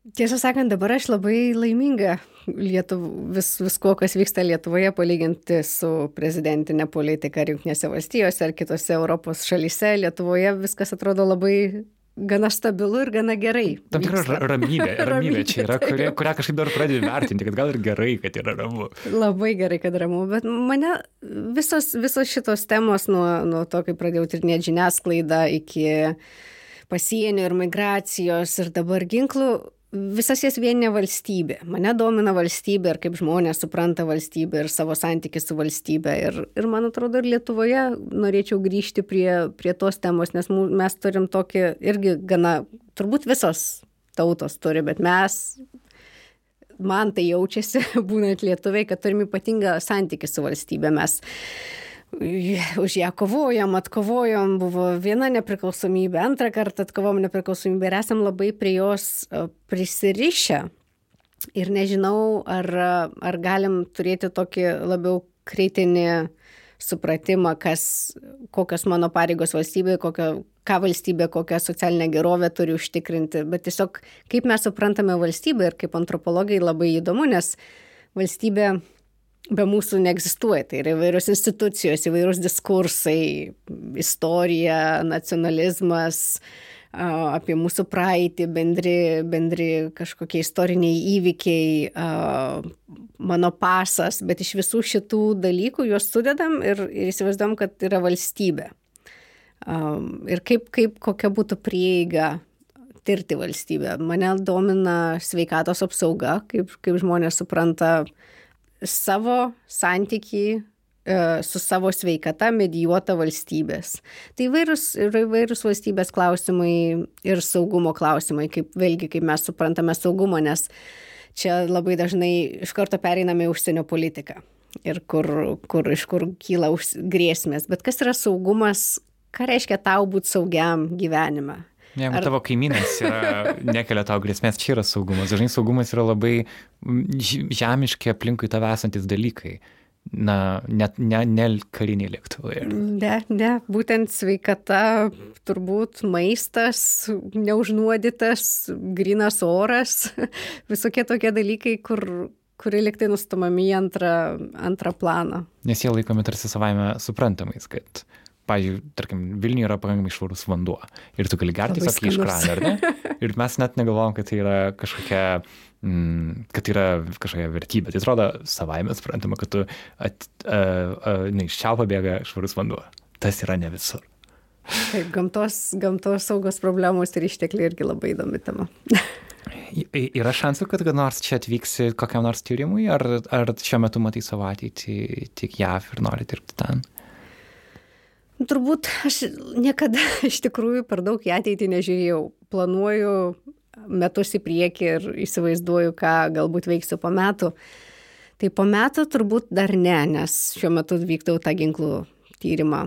Bet be abejo, labai norėčiau kažką veikti Lietuvoje ir daryti tyrimą. Mano ta šiuo metu kaip ir specialybė yra Latino Amerika, tai turiu ir ten kažką veikti, bet uh, galiu turėti keletą tyrimų tuo pačiu metu ir man labai, labai, labai norėčiau kažkokio prasmingesnio, ne, ne tik, kad aš atvyksiu čia ir dirbčiau, ar dirbčiau su vietiniais studentais, bet kažkokio prasmingesnio institucinio bendradarbiavimo, kada nors labai, labai to norėčiau. Manau, tikrai labai reikalinga būtų, nes antropologija Lietuvoje yra dar toks tam tikras mistinis žodis. Atrodo, kad sociologija mes jau lyg ir uh, yra, sakykime, garsių sociologų. Nu, tai yra, ten sakoma, sociologų apklausas. Dar tas žodis yra kasdienybei jau radę savo vietą. Antropologija vis dar atrodo kaip sociologija, bet truputį kitaip. Tai toks tarsi... Egzotika. jo, jo, tai um, norisi, kad antropologijos Lietuvoje būtų daugiau. Jeigu, jeigu šitas pokalbis kažkam padės apie tai daugiau mąstyti, tai mūsų tikslas bus pasiektas. Labai to tikiuosi. Ačiū labai, kad skiri laiko ir sėkmės to tavo, tavo tyrimuose ir gero kelio atgal į Bostoną. Ačiū. Šiame interviu fokusavomės į Evos įsenytės tyrimus, o ne į ją pačią. Tai vienas iš žurnalistinio mąstymo būdų, kad ne pats žmogus yra istorija, o tai, ką jis daro, yra istorija. Jeigu mokslininkas daugiau kalba apie save, o ne apie tai, ką jis tyria, tada reikia susimastyti. Ir vis dėlto, po interviu mes norėjome nuvažiuoti Ievą nufotografuoti, tai norėjome padaryti Valakampiuose, Vilniaus rajone, kuriame jį užaugo. Ir bevažiuojant, mes pradėjome kalbėtis. Ir ten Eva šiek tiek papasakojo apie save. Aš e, pasėmiau telefoną ir įrašiau jos mintis. Kokybė nėra geriausia, ačiū garsistams, kad tai žinai Bito ir Viltį Gustyti, kad ją šiek tiek pagerino, bet šią dalimi taip pat labai noriu su jumis pasidalinti. Bet tai tu augai su, tu vien augai, su broliais ir su sesė? Aš turiu brolį, trijų, tais metais jaunesnį, dailininkas irgi. Bet ir tavo, ir tavo tėvai dailininkai? Tėtis dailininkas, senelis dailininkas, močiutė buvo skulptorė, dėdė dailininkas, taip pat aš iš dailininkų šeimos. Turbūt vienintelė pretenduoju būti rašytoja, nes rašau knygas.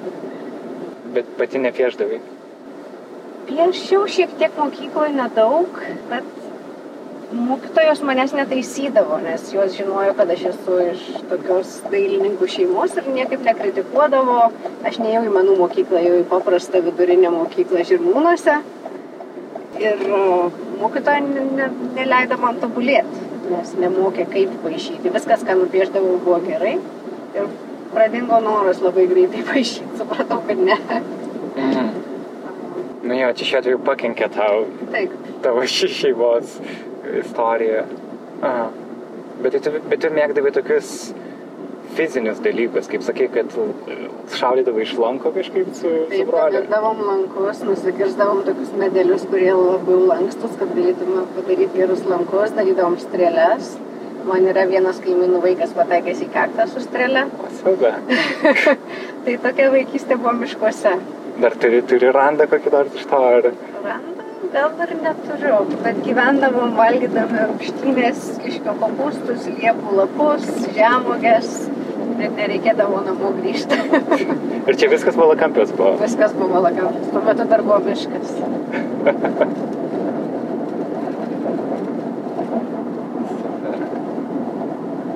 Ir dabar, kai buvau praeitą savaitgalį, mano sunienui vėlgi yra kiek, šešis su pusę metų dabar. Ir jisai sakė, nori lipti medžius, bet neturi nei vieno brolio ar sesers. Aš tai turėjau brolį, tai eidavom ir lipdavom į tuos medžius. Tai jau su sunienu ir lipom į du medžius. Į liepą lipom ir po to į pušį lipom. Tai nebuvau užlipusi medį jau per porą dešimtų mečių. Vis dar pavyko. Vis dar pavyko. Bet daug mažiau yra laipiojimui tinkamų medžių, kai mes ten augom, buvo visas obelų sodas, senų ob- obelų, o dabar kaimynai susitvarkė, turi gražias vėjas, kurias laisto ir augina krūmus rožių, nebėra to tokio lau, laukinių sodų ir laukinės gamtos tiek, kiek būdavo. Jo, Vilniuje dabar daug tokių yra, tokių dekoratyvinių medžių. Tokių miesto medžių vadinamų, kurie labai mažai užauga, bet į juos neįlipsi. O aš pritariu krėvės romano, ne romano novelės veikėjo Lapino nuomonė, kad be, mis, be miško suskursta žmogus. Aš irgi suskurstu. Bostone turi kokį mišką? Ne tokie kaip čia ir visai kitokie medžiai, nežinau, kurie valgomi, kurie nevalgomi. Tai sudėtingiau, bet yra, yra gražių vietų, kur galim išvažiuoti truputį toliau į New Hampshire ar Vermontą. Ten yra dideli ir gražus miškai. O Prie Bostono labiau yra prižiūrim, prižiūrimi draustiniais, gal jūs gali būti pavadinti. Draustiniai. Pelkės visokios. Bet reikia važiuoti automobiliu, tai pra, pravažiuoji vieną valandą, kad būtų miške vieną valandą ir po to vėl vieną valandą stovi kamščiuose, kad sugrįžtų nuo gali bostų. Tai čia ja. kažkas už minutės. O tavo tėvam Ar jie, ar jie tave palaikė, kaip, žinai, tavo operacijose, kurios visai pavojingas yra. Ypač ta, tai, ką tu Argentinoje darėjai ir e, prie sienos ten, tu realiai buvai, žinai, vietoj, kur buvo nusikalstamumo tam tikras lygis. Bet uh, įsivaizduoju, kad turėjo būti visai baugu tam tikrų metų, bet tu turbūt įrodai, kad, kad, kad įmanoma buvo. Tėvai nebūtų tėvai, jeigu jiem nebūtų baugu. Jiem buvo labai baugu, kai kai pradėjau gaisrininkauti ir tapau paramedikė, nes visas tas etosas šios profesijos, kad lėki ten, kur yra pavojus į tą pusę, o ne į priešingą pusę. Jiems buvo labai baisu. Dėl Argentino jie netiek galbūt bijojo dėl manęs, bet dabar, kai pradėjau tyrimą Meksikoje dėl ginklų, turėjau jiem išaiškinti visus protokolus, ką daryti, jeigu mane pagrobtų, kaip patikrinti, ar ten tikrai aš turėjau visokius slaptažodžius sukurti. Čia tai tėvam turėti. O. Nu jo, tas neprideda. Nesmagu. Bet sakau, čia tokie protokolai universitetas reikalauja, nieko man neatsitiks. Ir vėlgi, jie nėra ten buvę, tai jie nelabai žino, kas pavojinga ir kas nepasitikė manimi. Ir aš manau, kai, kai žinai, pažįsti situaciją ir žinai, kuriais žmonėmis pasitikė, tai nėra taip pavojinga man kartais būtų baisiau eiti į kokį rajoną Vilniuje, kurio mažiau pažįstu naktį, negu būti pasienyje ar Argentinoje, Paragvajuje ar Meksikoje, kur jau žinau, kaip, ko reikia saugotis ir kur nereikia bijoti ir kažkaip supranti tą vietinę visą situaciją. Bet nežinant, atrodo gana baugiai. Mhm. Na, ja. Kaip ir minėjo, Jeva Jusonytė yra kilusi iš menininkų šeimos. Jos tėvas Vidmantas ir brolis Linas yra dailininkai. Mama Rasa pasuko kitų kelių.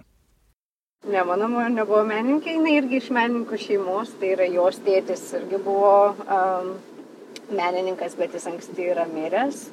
O jos močiutė, mano prosenelė, Domicelė Taravildienė, net ant pašto ženklo buvo gal dviejų lietuvių vertės, nežinau, jinai buvo grafikė, fotografė tarpukario Lietuvos, uh, knygų dizainerė.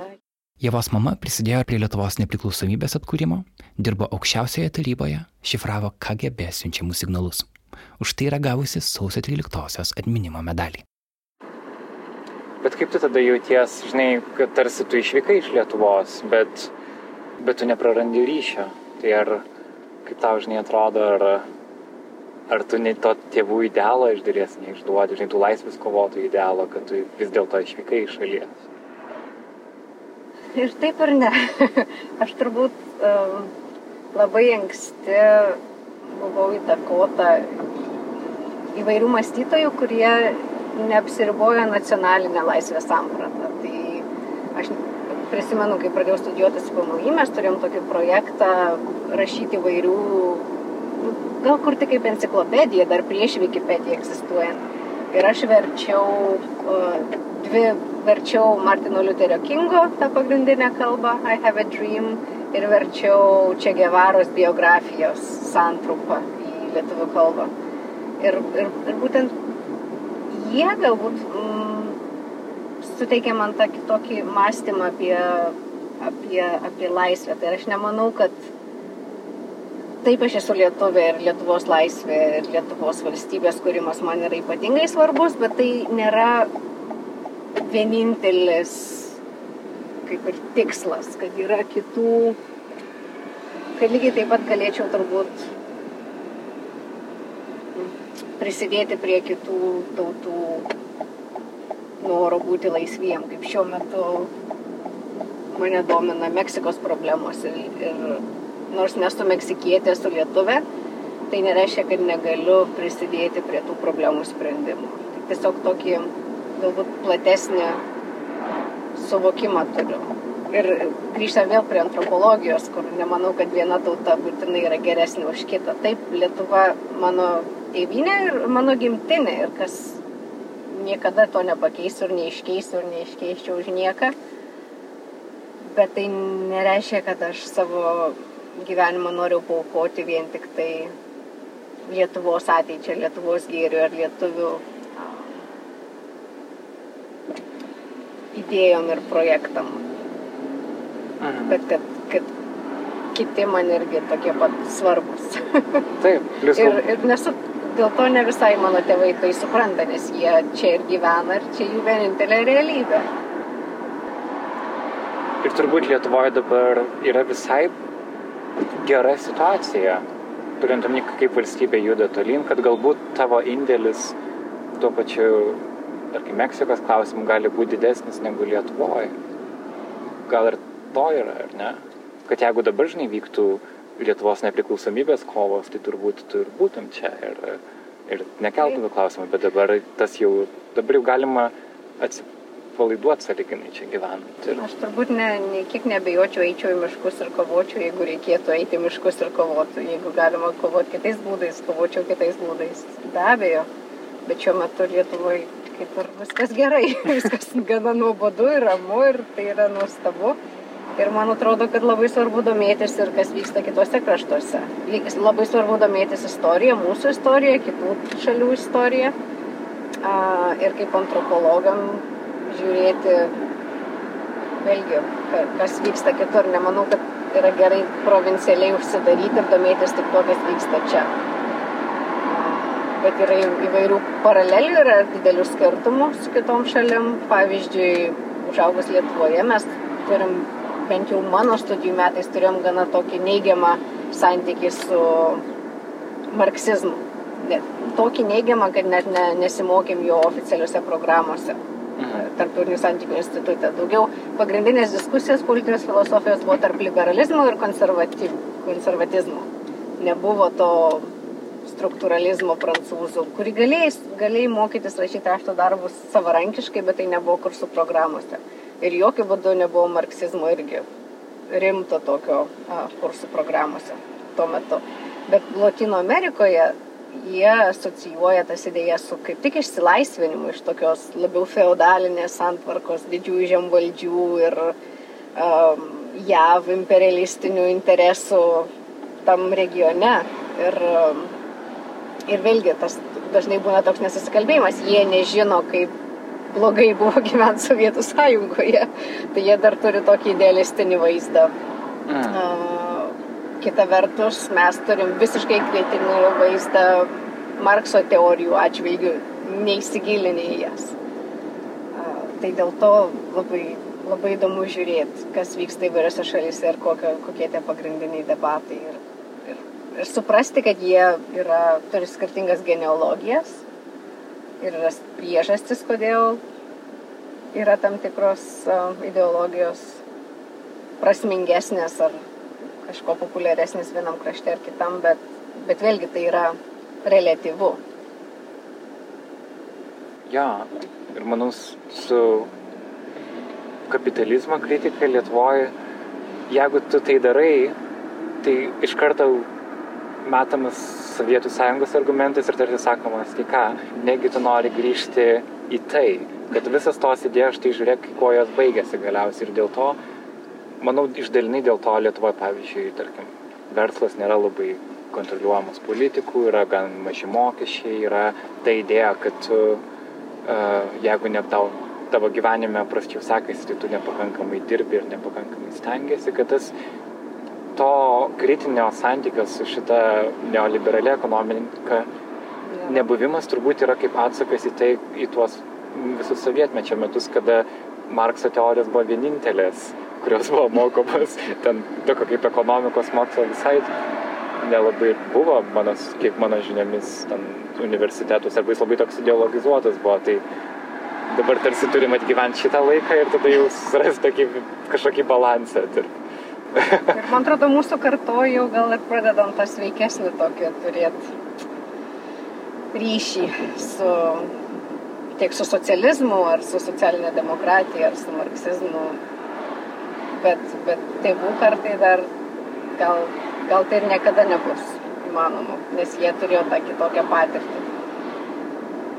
Ja. Nu ir tai, kad dabar, pavyzdžiui, nežinau, kiek sakėjai, prezidento debatus, e, visą rinkiminę kampaniją Lietuvoje, bet dabar, žinai, Lietuva išsirinko naują prezidentą, šitom dienom, kai tu buvai Vilniuje. Taip, aš balsavau. Taip, nu, ir pavyzdžiui, ten, žinai, dabar laimėjo žmogus, kuris visą savo karjerą buvo praktiškai banko tam tikras viešųjų ryšių žmogus. Ir, ir jis įkūnė tą tokios ekonominio išsipildymo idėją, žinai.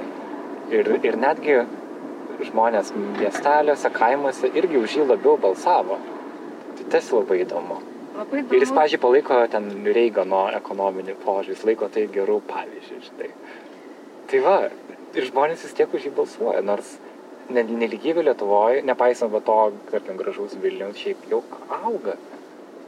Auga ir žmonės kažkodėl vis dar labai linkia tikėti ir suabsoliutinti ekonomiką ir tuos ekonominius skaičius, ar ten nedarbingumo lygis, ar, ar um, bet tie skaičiai nieko nereiškia, jeigu jie, jeigu nežiūri į tai, vėlgi, ar turi darbą, kuris tau suteiks pensiją, ar, ar, ar, ar turi prieimą prie sveikatos sistemos, ar turi, kas, kas vyksta mokyklose, o visa, visa tai finansuojama iš mūsų mokesčių. Ir um, klausimas, kodėl verslui kartais daromos visokios išimtis, Taip. kodėl mes norim būtinai skatinti verslą, nesvarbu, kokia yra žmonių gyvenimo kokybė.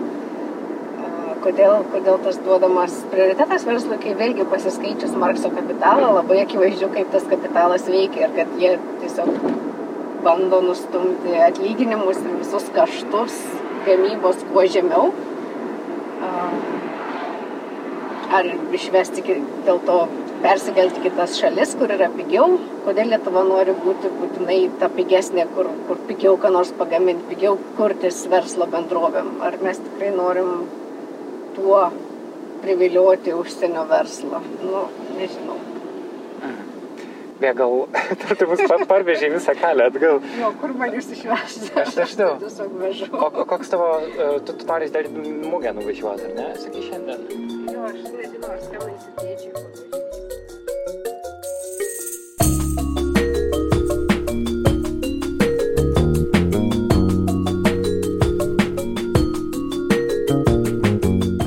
Toks mūsų epizodas šiandien. Ačiū, kad buvote kartu. Fotografijas iš Valakampių ir taip pat iš Mašvido bibliotekos studijos pamatykite Nail.lt ir Nanuk Instagrame. Jų autorė yra Severina Venskutė. Epizodo muzikos autorius yra Martinas Gailius, o garso režisierė Katažina Bidoft. Epizodą vedžiau ir redagavau aš Karolis Višnauskas. Javos Jusionytės knygos vadinasi Threshold ir Savage Frontier. Labai rekomenduoju apie jomis jomis pasidomėti. Jeigu jums patiko šis interviu, pasidalinkite juos su draugais antropologais, su draugais Latino Amerikos tyrinėtojais ir apskritai su tai žmonėmis, kuriems rūpi migracijos tema. Mes norime kurti informuotesnį dialogą apie tai, norime dekonstruoti tradicinius naratyvus ir džiaugsimės, jeigu prisidėsite prie to. Jeigu norite prisidėti prie podcast auginimo, kviečiame padaryti tai per Patreon, patreon.com slash nanukmultimedia. Tokiu adresu vyksta mūsų kampanija. Mūsų 100 dolerių patronai yra Vitautė Seinauskaitė, Benedikto Gylio paramos fondas ir Blossom Wood Foundation. Nailo podcastą kuria žurnalistų kolektyvas Nanuk. Gerų tyrinėjimų jums. Sustiksime kitą savaitę. Iki.